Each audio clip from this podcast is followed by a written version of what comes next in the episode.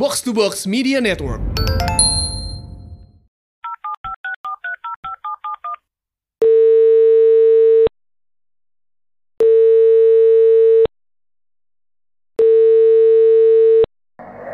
Hai, aku Konita.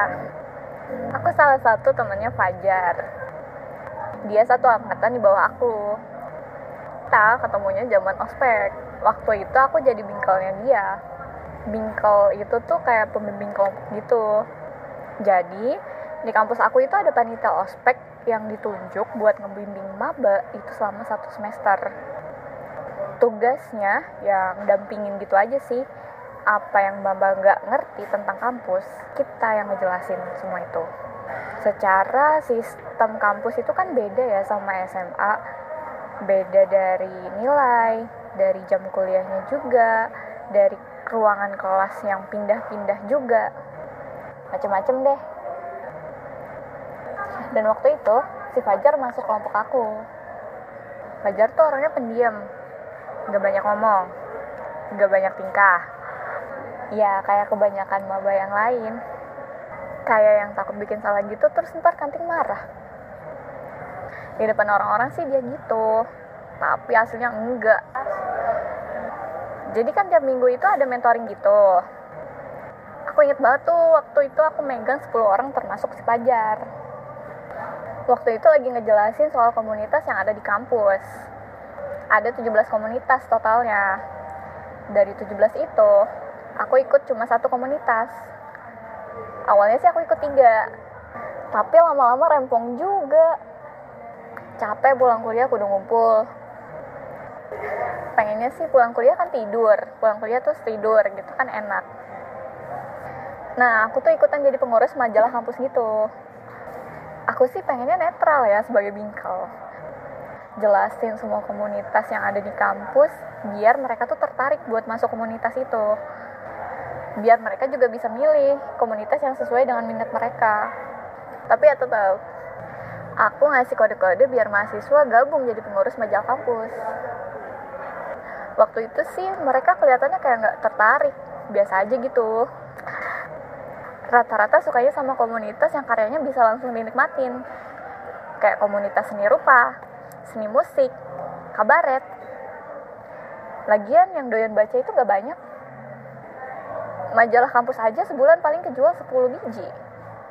Itu juga yang beli anggotanya doang. Kebanyakan orang-orang cuma baca feed Instagram doang. Gak doyan baca yang panjang-panjang. Waktu itu aku sih ngarepnya punya penerus. Tapi pas kumpul aja udah bubar, Fajar nggak langsung pulang. Kayak sengaja buat lama-lama aja gitu. Beresin barangnya pelan-pelan terus beresin kursi yang sebenarnya udah rapi. Eh, dia datengin aku. Terus dia bilang kalau dia mau gabung jadi pengurus majalah kampus. Aku sempat bilang ke dia kalau misalnya kita itu independen. Dari nyari berita sampai cetak, pakai uang sendiri. Gak ada request mau liputan apa. Gak ada juga akomodasi kalau misalnya harus ke sana kemari. Pokoknya, uang pengembangan komunitas dari kampus ya harus bisa cover semuanya. Aku pikir dia bakalan mundur, tapi dia bilang nggak apa-apa. Dia suka yang berbau bacaan. Dia sebenarnya suka nulis, suka gambar, suka moto, suka ngedesain. Makanya dia pengen gabung. Buat nyalurin hobi katanya. Cuma sayangnya, komunitas yang kita ikutin itu bukan komunitas gede, dan meski Fajar emang suka di dalamnya, dia kelihatan gak suka kalau nunjukin itu di depan orang-orang. Di luar, Fajar tetap doyan nongkrong sama teman-teman deketnya. Malah kayaknya gak ada orang yang tahu deh kalau dia ikutan komunitas di kampus. Dia gak pernah kelihatan ngumpul-ngumpul gitu sama kakak tingkat. Tapi Fajar tetap ngasih kontribusi yang gede. Dia kalau disuruh liputan keluar kampus, selalu mau ya perginya tetap sama teman segengnya sih tapi kita mau bodo amat yang penting liputan selesai artikel jadi naik tayang sesuai jadwal aku ngarepnya sih Fajar bawa penerus tiap tahun kan dia ikutan jadi panitia ospek. Tapi ya dia kayak bukan member aja. Cuek aja dia. Sampai dia lulus dia nggak bawa penerus. Cuma dia tetap tanggung jawab sih. Udah lulus dia tetap bantuin redaksi biar majalah kita tuh tetap jalan. Di komunitas Fajar juga nggak banyak ngomong. Kalau dia punya usul ya dia ngomong. Tapi kalau usulnya ditolak ya udah. Dia nggak pernah ngotot sih Pimret mau ngomong apa juga dia cuek-cuek aja. Iya iya aja. Aku nggak tahu sih sebenarnya dia pengen jadi apa.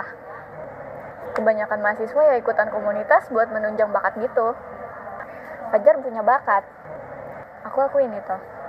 Tapi dia nggak pernah sadar dan nggak pernah mau pakai bakatnya buat sesuatu yang lebih. Buktinya di komunitas orangnya nurut-nurut aja gitu kayaknya kalau aku suruh dia terjun dari tebing dia mau deh.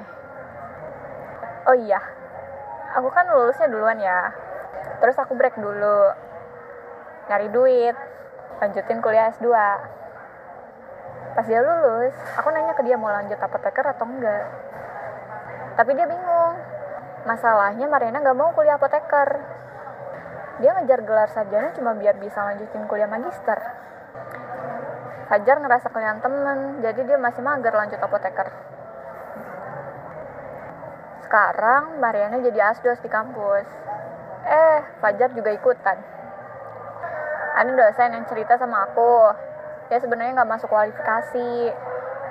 Kampus ngelulusin Fajar karena kampus nggak enak nolak dia. Yang notabene nya aku keponakan dosen.